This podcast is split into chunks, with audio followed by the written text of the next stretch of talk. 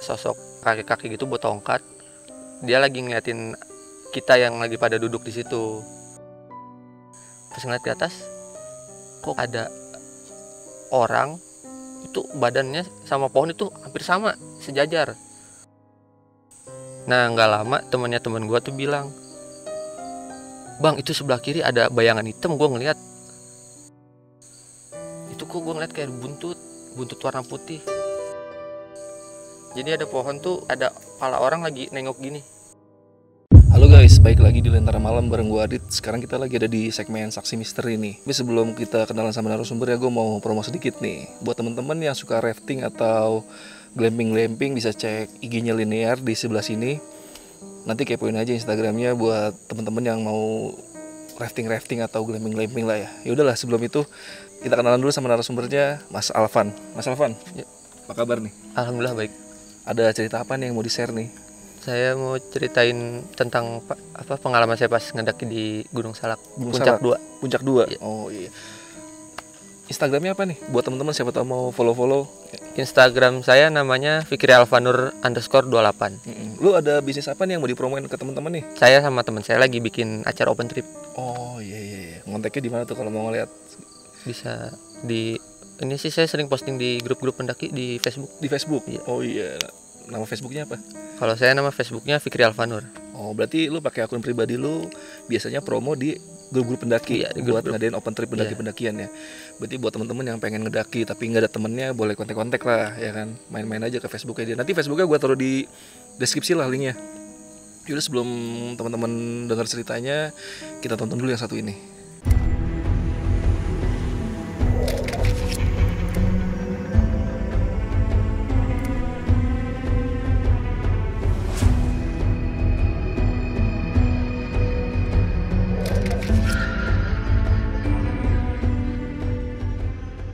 Ini kejadian pas pengalaman gua naik ke puncak Salak 2 bulan Juli sekitaran akhir bulan lah. Itu harinya hari Jumat kalau tanggalnya lupa tepatnya tanggal berapa. Itu rencana berangkat tuh awalnya hari Sabtu pagi. Cuman karena hari Sabtu sorenya itu ada teman yang nggak bisa jadi dialihin ke hari Jumat berangkatnya. Rencana berangkat awal sama gue 12 orang cuman yang dua batal jadi 10 orang.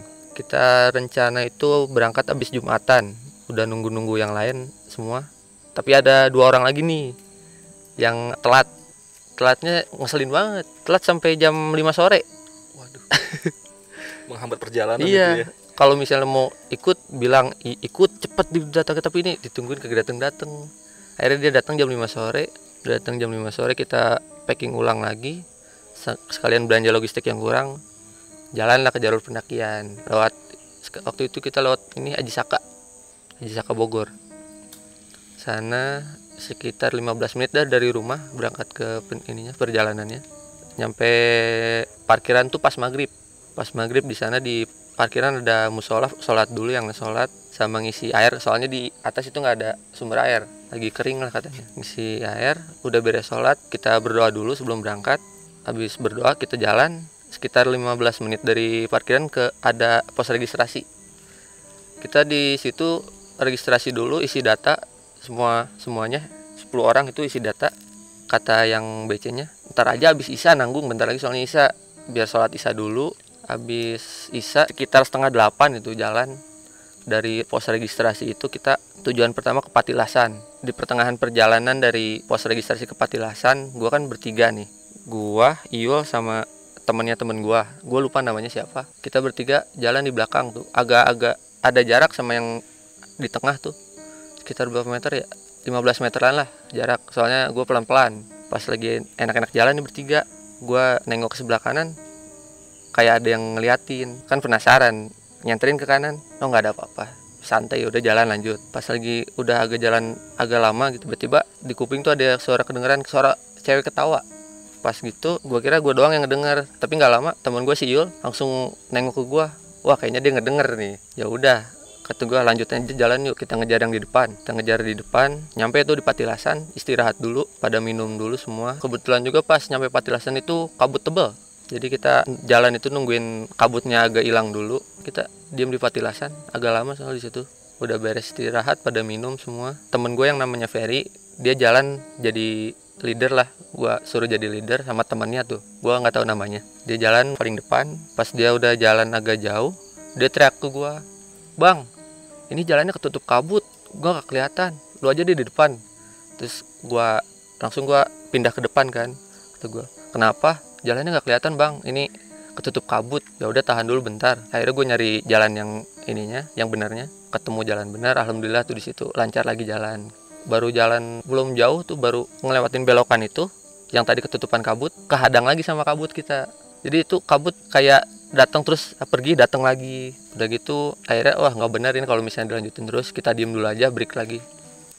Kita break di tempat ada pipa paralon gitu buat ke desa lah ke warga. Kita diem di situ agak lama lagi itu di situ. 10 menit ada itu di situ. Akhirnya kabut hilang lagi. Kita mutusin lanjut jalan lagi pelan-pelan. Gua nugasin Peri jadi di, di depan lagi sama temennya jadi leader. Gua kebagian di belakang lagi jadi sweeper. Bertiga sama Yul sama temennya temen gua. Kita jalan alhamdulillah dari tempat yang tadi kita istirahat yang paralon itu kita sampai pos 1 itu lancar. Nggak ada kendala apa-apa. Pas nyampe pos 1 kita istirahat dulu. Di situ ada yang bilang kedinginan. Kita ya udah kita bikin teh anget dulu lah buat ngangetin badan. Pas lagi mau ngeluarin kompor itu dari keril tiba-tiba kan kayak di pos 1 itu kalau yang biasa ke Salakdo pasti tahu lah pos 1 ada pohon gede. Gimana ya diameternya? Kalau dinian ada kali satu meter lebih mah kalau lingkarannya. Di sana tuh ketutupan kabut cuman kayak sekilas tuh ada bayangan putih. Bayangan putih gede cuman pikir positif aja itu mah. Mungkin kabut kena cahaya kayaknya dari situ udah santai bikin kopi. Di pos satu itu istirahat setengah jam sekitar setengah jam istirahat bikin kopi bikin teh udah habis istirahat. Kita lanjut lagi ke pos 2 perjalanan dari pos 1 ke pos 2 itu makan waktu kurang lebih satu jam lah. Dari pos 1 pos 2 itu alhamdulillah lancar lah nggak ada apa-apa udah dari pos 2 kita istirahat sebentar di pos 2 cuma 5 menit soalnya ngejar waktu udah kemalaman. Kita nyampe di lahan gambut. Di situ anak-anak pada bilang kecapean mau minta istirahat. Tapi gue nggak tenang gitu istirahat di situ soalnya minggu lalunya gue naik ke situ tektokan nemuin jejak kaki harimau. Itu itu masih seger banget kayak baru lewat lah. Nah dari situ gue buru-buru minta udahlah kita nggak usah istirahat di sini istirahat di depan aja saya bentar lagi nggak jauh ke pos 3 dari situ lanjut jalan. Pas nemu jalan yang agak sempit tuh vegetasinya di sana tuh ada suara dari sebelah kiri gua. Bunyi kayak hewan lagi nerobos pepohonan lah bunyinya gitu. Temennya temen gua tuh ngedengar bang suara apaan tuh? Udah nggak usah itu mah paling babi hutan paling bikinnya. Ya udah lanjut lagi. Udah ngelewatin jalan yang rimbun jalan lagi ketemu yang agak luas jalannya kita agak jarak lagi sama yang di depan tuh. Kita 10 meter lah. Kita jalan bertiga di belakang. Gua Yul sama temennya temen gua. Nah nggak lama temennya temen gua tuh bilang bang itu sebelah kiri ada bayangan hitam. Gua ngeliat dia langsung apa ya langsung ngedeketin gua. Udah nggak usah takut kata gua. Itu mah halu lu doang kali kecapean. Ya udah kita lanjutin jalan aja. Nyampe pos 3 ya pos 3 pos 3 kita nyampe istirahat minum semuanya ditanya lagi kita mau lanjutin ke tempat tujuan camp kita apa? Mau ngecamp di pos 3 ini? Kata temen lanjutin aja bang nanggung kalau ngecamp di sini soalnya lahannya sempit. Kita akhirnya lanjutin lagi dari pos 3 itu ke Haji Solomot namanya pos Haji Solomot. Dari pos 3 ke Haji Solomot itu kurang lebih perjalanannya satu jam setengah lah. Kita jalan santai nggak jauh dari pos 3 itu kayak ada pohon gede lagi ya. Di situ temannya Ferry itu yang tadi dia gua nugasin jadi leader temennya itu nyenterin senternya tuh ke atas. Pas-pasan gue lagi ngeliat ke atas nih bang. Pas ngeliat ke atas kok ada orang itu badannya sama pohon itu hampir sama sejajar. Tapi bajunya putih cuman kelihatannya bajunya setengah doang lah. Dia tinggi gede. Pas gue lihat gue tegesin. Wah gue langsung situ langsung kaget kan. Akhirnya langsung gue langsung nunduk langsung pindah ke tengah gue nggak berani di belakang lagi akhirnya gue di situ di tengah jalan yang di belakang gue tinggalin berdua tuh. Gue di tengah jalan dari abis kejadian itu gue langsung jalan alhamdulillah lancar sampai Haji Solomot itu lancar. Nggak nemu apa-apa lah sampai di Haji Solomot eh, ada yang kecapean tuh kakinya udah mulai kram lah. Soalnya dia juga katanya baru pertama kali naik gunung. Kita istirahat di situ agak lama sekitar 10 menit 15 menitan lah. Kita diem di situ bikin kopi dulu buat ngangetin badan. Ditanya lagi mau lanjutin ngecamp di tempat tujuan kita apa mau ngecamp di sini? Soalnya gue bilang kalau misalnya kita mau ngecamp di tempat tujuan kita masih sekitar satu jam lagi perjalanannya. Kata anak-anak lanjutin aja bang. Kalau di sini kayaknya kurang enak tempatnya. Anak-anak kan pada minta lanjut. Ternyata ada yang ngeliat di situ. Katanya ngeliat sosok kakek-kakek gitu buat tongkat. Dia lagi ngeliatin kita yang lagi pada duduk di situ. Ya udah kata gue melanjutin jalan. Ya udah kita lanjutin jalan tapi agak santai aja lah. Udah mau deket ini sekitar sejam lagi kita lanjutin jalan dari Haji Solomot ke Bengawi. Itu jalannya udah mulai makin rapat lah terus ngelewatin punggungan-punggungan gunung gitu. Jadi jalanannya kiri kanannya jurang. Kita jalan nemu tanjakan yang agak curam lah. Kalau misalnya naik paling dengkul ketemu dagu. Di situ satu-satu kan jalan naiknya. Gue di situ pindah lagi kan ke belakang. Paling belakang lagi bertiga lagi tuh sama Iul sama temennya. Gue pindah ke belakang. Gue ke bagian paling akhir naiknya pas gue mau naik kaki gue kayak nyangkut. Pas gue lihat nggak nyangkut apa apa tapi kayak ada yang nahan gitu. Menurut gue ini apa sih kok nggak bisa diangkat? Kayak nyangkut. Ya udah gue positif thinking aja nggak tahu kenapa. Bismillah aja lah diam dulu. Gue istirahat dulu bentar bilang ke yang anak-anak istirahat dulu bentar capek bilangnya. Gue tenangin diri dulu baca-baca yang gue bisa. Nggak lama alhamdulillah alhamdulillah lah gue bisa lanjutin jalan. Naik akhirnya ke atas dari tanjakan itu ke Ngawi itu udah 15 menit lagi. Dari tanjakan itu ke Ngawi Alhamdulillah itu nggak ada kejadian apa-apa lah. Nyampe di Ngawi itu kita sekitar setengah satu malam. Nyampe di Ngawi bagi-bagi tugas ada yang masak ada yang bikin tenda. Dan gue itu kebagian bikin tenda. Gue bikin tenda sama temen gue pas lagi bikin tenda tuh kayak di arah belakang gue pokoknya kuping gue tuh ngedenger kayak ada suara anak ayam gue di situ mikir ini ayam beneran apa ayam bohongan? Kok tengah malam banget. Gue mikir positif ah mungkin ayam hutan kali lah. Akhirnya gue diemin aja bodo bodo amatin lah. Gue bikin lanjutin bikin tenda bikin tenda kelar. Pas gue ngeliat yang masak belum kelar gue bantuin akhirnya.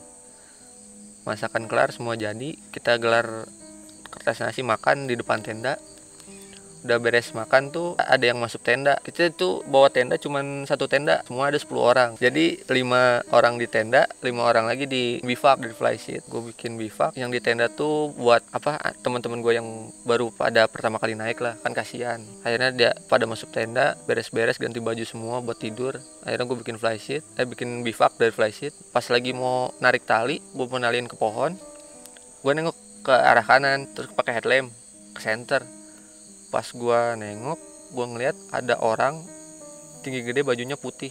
Pas gua tegesin kok makin lama nggak ada kepalanya diliatin? Tuh kalau misalnya diiniin berapa meter ya? 3 meter mah ada kali itu ininya orangnya. Tapi nggak ada kepalanya. Nah dari situ gua naliin tali ke pohon buru-buru gua langsung masuk tenda. Gua bilang gua kedinginan. Gua kedinginan. Padahal gua takutan di situ. Gua bilang kedinginan gua masuk tenda duluan lah. Tuh lu bikin bivaknya sama anak-anak yang lain aja. Gue akhirnya masuk tenda ganti baju gue diem aja di tenda. Bivak udah jadi gue pindah ke bivak. Gue langsung lanjut tidur tuh di situ lanjut tidur. Yang lain nggak tahu pada ngapain. Singkat cerita nih udah pagi lah. Yang rencana awal itu kita mau summit ke puncak tuh jam 5 cuman biasa lah. Namanya anak gunung bangun di gunung pagi itu wah hal berat banget gue rencana summit jam 5 bangun tidur tuh setengah 6 akhirnya masak dulu segala macem lanjut ke puncak itu jam 7 udah kesiangan.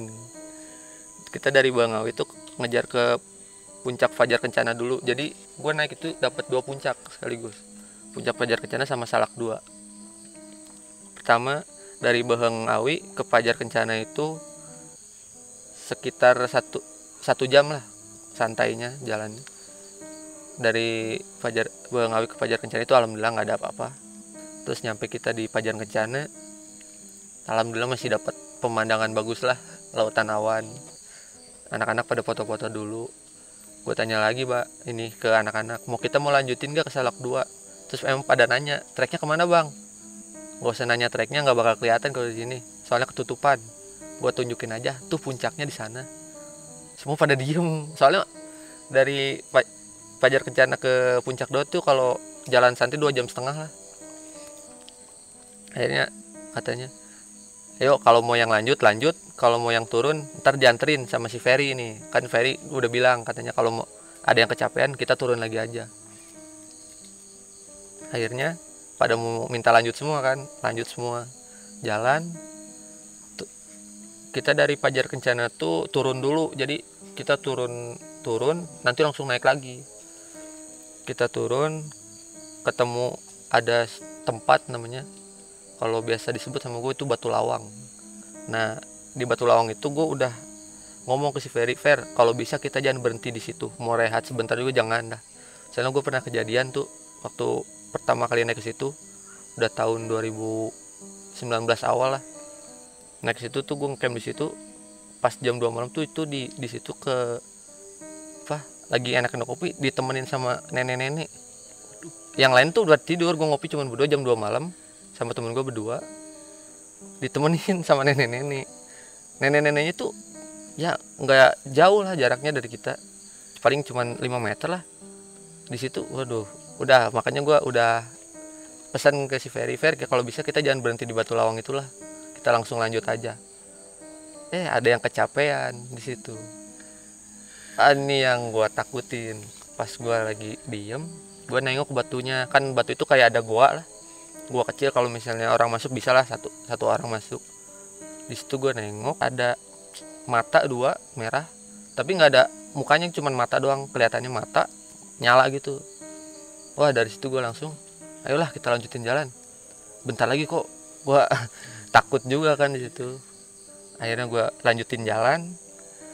Dari situ alhamdulillah nggak ada apa-apa. Nyampe di tanjakan webbing lah gue sebutnya. Soalnya itu pakai tali. Nanjak harus dibantu pakai tali webbing. Di situ kita nanjak satu-satu naik satu-satu. Pelan-pelan. Alhamdulillah lancar semuanya. Jadi itu di salak dua tuh tanjakan yang harus dibantu pakai webbing itu ada sekitar 6 6 tanjakan lah yang harus pakai webbing. Kita udah ngelewatin semuanya. Nyampe di pertigaan. Pertigaan tuh kalau misalnya ke belok ke kanan gitu kita turun ke arah Curug Nangka jalur Curug Nangka. Kalau ke kiri itu ke arah puncak. Nah kita jalan lanjut terus. Sampai nemu lahan gambut. Itu kalau misalnya diinjek ngeri juga sih. Kalau misalnya kita salah nginjek aja udah. Ngejeblos ke ke bawah. Kita jalan ketemu ada orang pendaki lain lah turun lagi turun. Pas ditanya bang di atas ada yang naik lagi nggak? Nggak ada kita rombongan terakhir nih turun. Satu-satunya rombongan yang naik hari itu. Ya udah kita makasih ya bang kita ini langsung langsung lanjut jalan lah. Kita jalan ada lahan gede dikit kita ngelewatin lahan gede dikit itu terus ada kayak apa ya tanam eh, pohon tapi kayak bikin terowongan gitu terowongan kecil. Nah pas di situ gua kan jalan tuh dari awal jalan naik tuh di belakang mulu sama Iul sama temennya tuh. Pas gua lagi jalan Iul langsung tiba-tiba berhenti. Kata gua kenapa Yul terlalu bang. Itu di dekat lobang tuh yang ada pohonnya. Itu kok gua ngeliat kayak buntut buntut warna putih. Buntut apaan? Kok nggak ada apa-apa? Ah lu mah ngeliat ituan kali halu doang. Gue bilang halu kan. Ya udah kita lanjutin jalan aja. Ngejar yang di depan tuh ketinggalan kita. Ya udah kita lanjutin jalan. Kata gue biarin aja udah nggak usah dipikirin itu mah halu. Lanjut jalan nyampe lah di puncak bayangan. Dari puncak bayangan itu deket lah 5 menit lagi ke puncak salak duanya. Kita lanjutin jalan. Alhamdulillah nyampe di puncak salak 2 kita diam di puncak salak 2 foto-foto makan segala macam. Satu jam lah sekitar satu jam. Kita turun dari puncak salak 2 ke camp itu jam 12 siang. Kita turun alhamdulillah lancar nggak ada apa-apa. Nyampe tempat camp Baheng Awi itu Satria Baheng Awi. Kita nyampe bawah. Pas nyampe bawah ternyata air di yang ada di tempat camp tuh habis. Kita nggak apa nggak ketahuan habisnya. Tahu-tahu udah habis aja saking kebanyakan minumnya kayaknya kita. Kita air salah perhitungan iya ya. salah perhitungan. Udah nyampe tempat camp istirahat sebentar packing pulang. Kita akhirnya packing pulang. Sekitar jam turun tuh setengah tiga kita turun. Dari Be Kesatria Bangawi gua jalan duluan tuh berempat. Gua Iul temennya Iul sama temennya Ferry itu. Jalan berempat ke Haji Solomot. Pas pertengahan jalan ada suara aungan harimau gitu di dari sebelah kanan. Semak-semak sebelah kanan. Panik kan kaget. Kata gua suara apa nih? Tapi yang lain alhamdulillahnya nggak ada yang ngedenger sih nggak ada. Nggak gua nggak ngeliat respon yang panik juga. Lanjutin jalan tuh. Gua doang yang ngedenger kita lanjutin jalan nyampe di Haji Solomot kita nungguin rombongan yang belakang kan ketinggalan. Soalnya gua duluan buat nyari tampungan air di situ. Soalnya kasihan yang baru naik pertama kali itu udah dehidrasi banget. Mukanya udah pada pucat. Nyari tampungan air nggak nemu akhirnya kita bablasin lagi ke bawah. Jadi pas lagi jalan turun kita nemu kayak kali kecil tuh ada airnya. Cuman agak kotor lah akhirnya kita saring dulu pas kita mau ngambil air tuh temen gua ngelihat ada ini ada pohon. Jadi ada pohon tuh ada kepala orang lagi nengok gini. Jadi kayak gimana sih? Ngintip, ngintip gitu, ya? gitu. Kata dia dia ngeliatin terus kan. Pas itu belum cerita dia. Ngeliatin ditepok sama si Ferry. Hei lu kenapa? Enggak enggak. Oh dia nggak mau nggak mau nggak mau cerita kan dia di situ. Nggak dia ngomongnya ya nggak apa-apa dia kita ya akhirnya kita nyaring air nungguin yang rombongan belakang juga. Udah yang di belakang udah agak kedengeran. Kita tungguin lagi ketemu sama rombongan belakang. Kita suruh pada minum dulu lah. Di situ istirahat dulu sebentar tuh yang rombongan belakang. Kita mutusin lanjut jalan duluan. Kita jalan duluan dari kali kecil itu kita langsung ke Patilasan. Nyampe di Patilasan nggak ada orang yang naik nggak ada orang yang turun. Cuman kita aja tuh rombongan yang turun. Nungguin di Patilasan lama sekitar setengah jam nggak ketemu sama yang rombongan belakang. Kesel kan udah mana banyak nyamuk udah sore. Nggak datang datang lama. Udahlah kita turun aja ke pos registrasi. Tungguin di pos registrasi akhirnya kita turun tuh berempat ke pos registrasi. Tungguin nyampe di pos registrasi ketemu yang jaganya. Kita salam dulu ketemu naruh keril kita tungguin rombongan belakang. Kita tungguin hampir sejam itu kita nungguin. Nggak nggak turun-turun. Akhirnya gue mutusin naik lagi nih Gua Yul sama Ferry akhirnya mutusin naik lagi. Gue susurin terus treknya sampai hampir ke pos 1 itu kita nggak nemu rombongan yang belakang. Ya udah kita mutusin turun lagi aja. Siapa tahu dia lewat terabasan apa apa langsung turun kita nggak ketemu. Akhirnya gue turun lagi. Nyampe registrasi pas registrasi ternyata belum turun juga. Kita tungguin lagi sampai ajan maghrib. Pas kita mau naik lagi nih sama yang jaga posnya akhirnya mereka turun. Pas ditanya kok lu pada lama banget turun? Yang jadi leader tuh dia temennya si Ferry dia bilang katanya gue pas lagi jalan tuh kayak ada yang manggil buat belok. Ternyata dia belok ke arah tebingan yang salah. Kan harusnya kalau turun tuh kita belok kiri. Nah dia beloknya ke kanan. Jadi tebingannya kita apa sih namanya kalau misalnya jadi tebingannya bukan turun malah naik gitu tebingan naik akhirnya dia muter balik Ter- udah ngerasa sadar kesasar dia muter balik dari jalan lagi. Alhamdulillahnya ketemu. Akhirnya dia turun nemu jalur yang benar. Nyampe pos registrasi itu pas ajan maghrib mereka. Nah di situ kan ditanya semua. Ya alhamdulillah di situ walaupun mereka bilang kayak hal-hal yang ada di luar nalar lah. Udah masa kita dari sisa itu berarti enam orang itu dalam rombongan belakang semuanya kayak ada yang ngebisikin buat belok ke arah yang salah itu. Makanya nyasar semua. Makanya nyasar. Padahal sebenarnya itu an- temannya Ferry itu dia udah pernah tiga kali ke situ. Nggak bakal mungkin kan pasti dia udah apal jalur lah. Dia sampai nyasar begitu ya udah kita tanya kita udahlah nggak usah dipikirin lah. Yang penting kita selamat nyampe bawah lah. Akhirnya semua alhamdulillah tuh nyampe di pos registrasi dari pos registrasi kita jalan ke parkiran alhamdulillah lancar nggak ada apa-apa. Sampai di parkiran udah alhamdulillah semuanya selamat, selamat semua ya? Iya. Paling segitu aja ceritanya ya? Iya. Gue mau ngobrol-ngobrol sedikit nih tentang Iya. perjalanan lo tadi kita review ke belakang lagi ya. Iya. sebelumnya gue bakar rokok dulu bentar. Iya.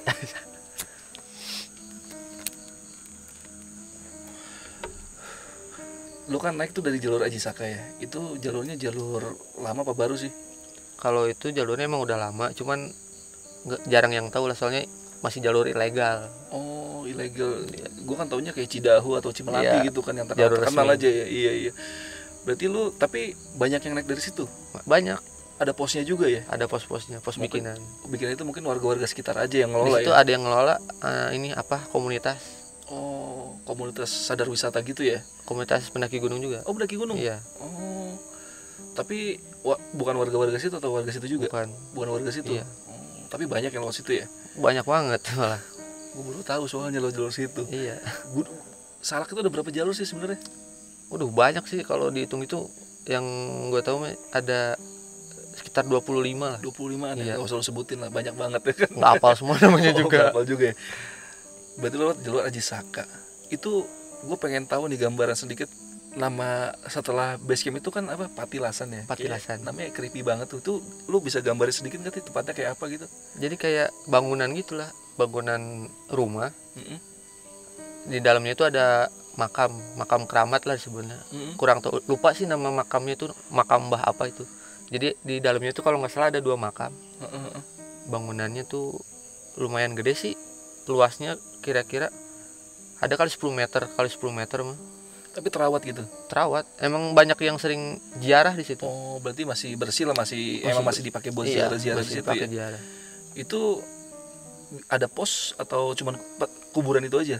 Petilasan itu aja? Pos selanjutnya. Enggak pas di tempat itu pas di petilasan itu. Cuma ada petilasan itu doang. Patilasan itu ada pos atau nggak ada. apa gitu. Nggak ada. Itu samping-sampingnya itu kayak apa sih kayak pohon pinus atau kayak gimana gitu ya kalau di situ samping-sampingnya pohon pinus pohon pinus gitu ya kalau ke sebelah kirinya itu langsung jurang gitu langsung jurang Iya. berarti itu udah agak ke atas juga tuh ya itu lumayan sih kalau dari pos registrasi jalan sekitar 15 menit 20 menitan oh. berarti lu kan itu berarti treknya trek malam ya ya trek malam serem juga berarti pas lewat situ ya iya itu juga nggak terencana trek malam iya iya iya karena temen lu Iya. nungguin temen lu yang Iya. sampai sore itu ya Nggak jembatan. dateng. habis itu kan lu lewat pos satu ya? Iya pos pos satu tadi gue lupa ada kejadian apa pos satu? Pos satu itu kejadian pertama kabut tebal kan? Oh iya. Itu lu pas kejadian ini kan abis dari petilasan lu ketemu kabut tebel tuh. Kabut Iya. tebel itu di pos satu pas sebelum pos satu? Dari sebelum pos satu itu udah ada kabut tebal. Tebel banget tuh? Tebal banget. Jalurnya nggak kelihatan? Jarak pandang tuh cuman itu dari kita dong semeter dua meter iya paling semeter dua meter doang. Jalurnya nggak jelas banget jadi Nggak jelas. ketutup. Iya. Lu sempat berhenti terus kebuka Tutup jalan lagi. ketutup lagi. Lagi tapi akhirnya akhirnya lancar gitu. Alhamdulillah lancar ke atas. Nah pas di pos satu kan temen lu ngeliat kayak ini ya? Eh, lu apa? Temen lu yang gua lihat itu yang gua yang lihat yang ngeliat kayak ada sosok putih gitu iya ya? kayak bayangan putih.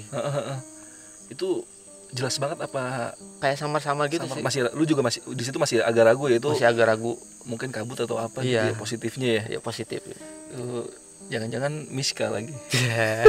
gue ngeri juga tuh kalau ada kayak gitu ya kan. Oh Positif. pas di Haji Solomon kan temen lu ngeliat tuh ya? Yang kakek-kakek. Kakek-kakek itu ya itu ceritanya pas di tempat atau pas di bawah sih ceritanya dia? Apanya? Dia cerita kalau ngeliat kakek-kakeknya itu. Pas di bawah? Oh pas di bawah. Berarti pas di pos di pas pos haji itu dia nggak ngomong? Dia nggak ngomong emang dia udah ngerti lah kalau Heeh. misalnya lagi naik itu jangan cerita apa-apa. Oh dia cuma minta udah kita jalan aja kita deh. jalan aja. Dia emang mintanya buru-buru banget. Buru-buru gue banget juga ya. udah ngerti sih kalau misalnya dia dari cara dia ngomong juga kayak takut. Iya iya iya. Oh iya sebelum Haji Solomon kan lu ketemu lahan gambut ya? Iya. eh, jalan gambut ya? Iya, jalan itu lu takut berhenti situ karena sempet ngelihat tapak harimau iya itu di seminggu pendakian sebelumnya. seminggu sebelumnya kan gue naik ke situ juga cuman tektok Heeh, heeh. nah itu ngelihat di situ di sebelah kanan jalur. Oh lu takutnya ada takutnya ada lagi ada ngelewat. lagi gitu ya iya iya iya anjir. Emang ekstrim banget sih salak ya. Macetnya Iya. banyak sih jalurnya? Alhamdulillah sih jarang jarang nemu. Jarang nemu macet iya. Ya terus lu kan pas ngecamp kan lima orang di dalam tenda lima, Lima orang di flysheet di flysheet itu kondisinya untung ya nggak hujan ya? Nggak hujan untung. Itu kalau hujan kan payah semua ya. Lumayan. Basah semua. Yang lu lihat pas di pos lu camp camp itu iya. kan lu lihat sosok yang gak ada kepalanya itu ya? Iya sosok nggak ada kepalanya. Itu lu jelas banget gak sih? Lebih jelas dari yang di pos bawah itu nggak? Itu lebih jelas banget. Lebih jelas banget. Jarak juga nggak terlalu jauh lagi. Nggak terlalu jauh? Iya. Hampir 3 meter tuh yang ngeliatnya ya, Iya. tingginya. Tinggi. Kira-kira ya. Kira-kira sekitar baju bajunya itu gimana Putih. sih? putih putih baju putih kelihatan cuma setengah kalau bawahnya oh berarti cuma dari sini sampai setengah aja iya nggak ada kepalanya nggak ada kepalanya jadi kayak berdiri gini waduh anjir Ini dari situ langsung masuk tenda makanya. Iya. Tapi abis lu kan masuk tenda, lu tidur di tenda apa balik Nggak, lagi ke flash? Balik lagi ke flash Oh balik lagi ke flash, Iya. cuman ganti baju segala macam ganti situ baju ya. segala macam. Anjir. Terus kan puncak abis dari camp lu itu puncak apa ya sebelumnya? Eh, Iya. Fajar setelah itu? Kencana. Fajar Kencana. ya. Lu kan abis itu kan jalan jalan ke Fajar Kencana ya, yang pas Iya. pagi-pagi gitu. Iya, Fajar Itu mungkin rencananya lu mau sunrise di situ kali ya? Iya, mau sunrise Mau di sunrise situ, itu cuma tapi kesiangan. kesiangan. tapi untung masih ada pemandangan Pemandangan lautan awan. lautan awan. Nah, ini nih yang serem nih yang tadi gue denger lu tuh. Abis dari situ kan lu ketemu batu apa? Ini disebut batu lawang lah. Batu lawang. Itu pos atau gimana sih? Atau sebutan orang-orang aja itu? Batu Di lawang situ itu. itu ada kayak batu. Kalau ada kali segede gajah mah. Segede gajah. Itu ada lobangnya di kiri kanan. Lobangnya buat satu orang masuk lah. Ada dua tuh lobangnya Iya, kiri iya, kanan. iya. Itu melihat mata merah gitu ya. Mata merah situ. Dan pendakian yang sebelumnya lu ngelihat Ada nenek-nenek. nenek-nenek. Karena lu ngecamp di situ. Iya, waktu pas pertama itu gua naik ke situ sama senior gua kan. Diajakin camp di situ. Heeh. Gua belum tahu apa-apa kan. Baru pertama kali ke situ. Sendiri lu tahu nggak situ horor? Situ tahu dia emang orangnya Sengaja. pada sableng semua, Bang. Gila itu nenek-neneknya sosoknya kayak gimana sih? Jelas banget atau kayak gimana? Jelas banget. Orang gue lagi ngopi berdua sama temen gue. Lagi enak-enak kopi, baru jadi tuh kopi. Tiba-tiba nenek-nenek lewat jalan pakai bukan pakai tongkat sih kayak bongkok gini. Jalan biasa. Gua langsung langsung masuk tenda dong berdua. Gila itu kayak Ya, nggak mungkin juga ya nenek ke atas malam-malam ya. bakal orang jalannya aja kayak yang susah gini masih udah bongkok. Iya. iya. Jalannya kayak warga sekitar gitu aja ya, Pak. Iya. Apa dia gaya jalannya kayak warga warga asli situ ya. Iya. Padahal nggak mungkin juga nenek-nenek sampai ke, ke atas itu. Kita aja jalan udah susah. Iya, apalagi nenek. Ya, apalagi nggak ada nggak ada rumah juga di situ ya Iya kan. nggak ada. Ah, Gila anjir. Itu pendakian yang sebelumnya lu berapa orang tuh yang pas ngecamp di situ? Itu delapan orang sih. 8 orang. Yang lain cuma lu berdua doang tuh. Berdua. Emang kebetulan itu yang lainnya udah pada tidur. Oh, bajunya kayak apa sih yang dipakai nenek itu? Kalau bajunya soalnya nggak ke center gelap sih. Hmm. Ngeliat kayak wujudnya. Cuman doang. jelas wujudnya itu Wujudnya nenek-nenek. jelas nenek-nenek. Gila anjir. Abis itu lu naik puncak aman lah ya. Aman. Aman gak ada apa-apa. Pas turun juga nggak terlalu banyak kejadian sih ya. Pas turun paling cuman yang itu aja tuh yang temen gua kayak ditu apa dikasih jalan yang salah. Iya itu kan paling ekstrim yang yang udah di bawah itu kan. Berarti lu kan lu udah sempat nyusulin ke atas. Iya, tapi nggak ketuk. ketemu sama sekali. Berarti kemungkinan besar dari pos 1 tuh lu langsung nyasar gitu ya dia. Iya. Jadi Salah belok. Salah belok. Dan semuanya nggak ada yang sadar sampai ada yang sadar. ketemu tebing yang ke atas itu. Iya. Gila. Untung nggak ada yang nyoba lanjut naik ke atas terus puncak lagi. alhamdulillahnya pada nggak egois semua. Akhirnya muter balik tuh. Terbalik. Muter balik ke belakang, ketemu jalur, nggak lama ketemu lu di bawah semua tuh ya. Ketemu Sehat semua ya. Alhamdulillah sehat. Alhamdulillah, anjir. Pendakian Salak emang Salak itu terkenal mistisnya juga sih. Kenal banget. Jawa Barat dekat lagi dari Jakarta kan banyak orang Jakarta main situ-situ Iya. juga kan. Gila, gila. Eh puncaknya itu udah berapa sih? Gue juga Salak tuh kan banyak orang bilang puncak 1, 2, 3, 4. Kalau sekarang sih denger-denger kalau dilihat di Facebook itu ya Hmm, ada 14. Ada 14. Iya. Tapi nggak tahu bener apa enggaknya itu 14.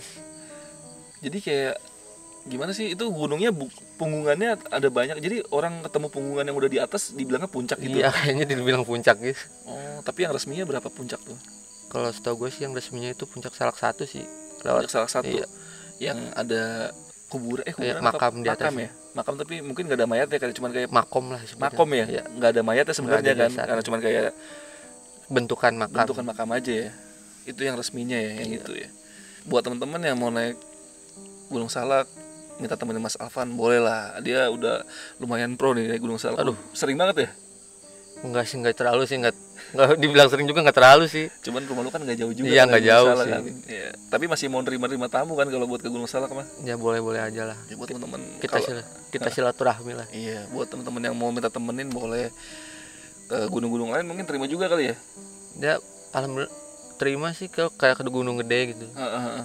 Ya pokoknya buat teman-teman misalnya ada keluarga segala macam pengen bikin trip tapi bingung minta temenin siapa boleh kontak-kontak Mas Alvan. Nah, dia suka bikin open trip, open trip, open trip pendakian soalnya kan. Iya. Ya udahlah, thank you banget nih Mas Alvan udah Iya, sehat cerita di Malam, sukses buat usahanya, lancar terus rezekinya. Amin. Oke teman-teman makasih juga yang udah dengerin sampai habis Jangan lupa teman-teman like, comment, subscribe channel ini Biar gua sama Jamal rajin terus nyari narasumber Sesuai keinginan kalian nih Narasumber-narasumber pendakian gunung yang kalian mau Nih gue bikin juga nih Sering-sering nanti gue bikin deh. Gue cari-cari lagi narasumbernya. Mungkin teman-temannya Mal Afan dan Mas Afan ada yang mau cerita-cerita lagi boleh lah kontak-kontak kita. Udahlah biar nggak kebanyakan cincong sampai sini aja. Gue Adit dan Mas Alvan. Sampai jumpa. Instagramnya apa nih? Buat teman-teman siapa tahu mau follow-follow. Instagram sih ya eh. Instagram sia. Iya. tinggal sebat tinggal sebat buat saya di sini nah usut punya usut. itu kan singkat apa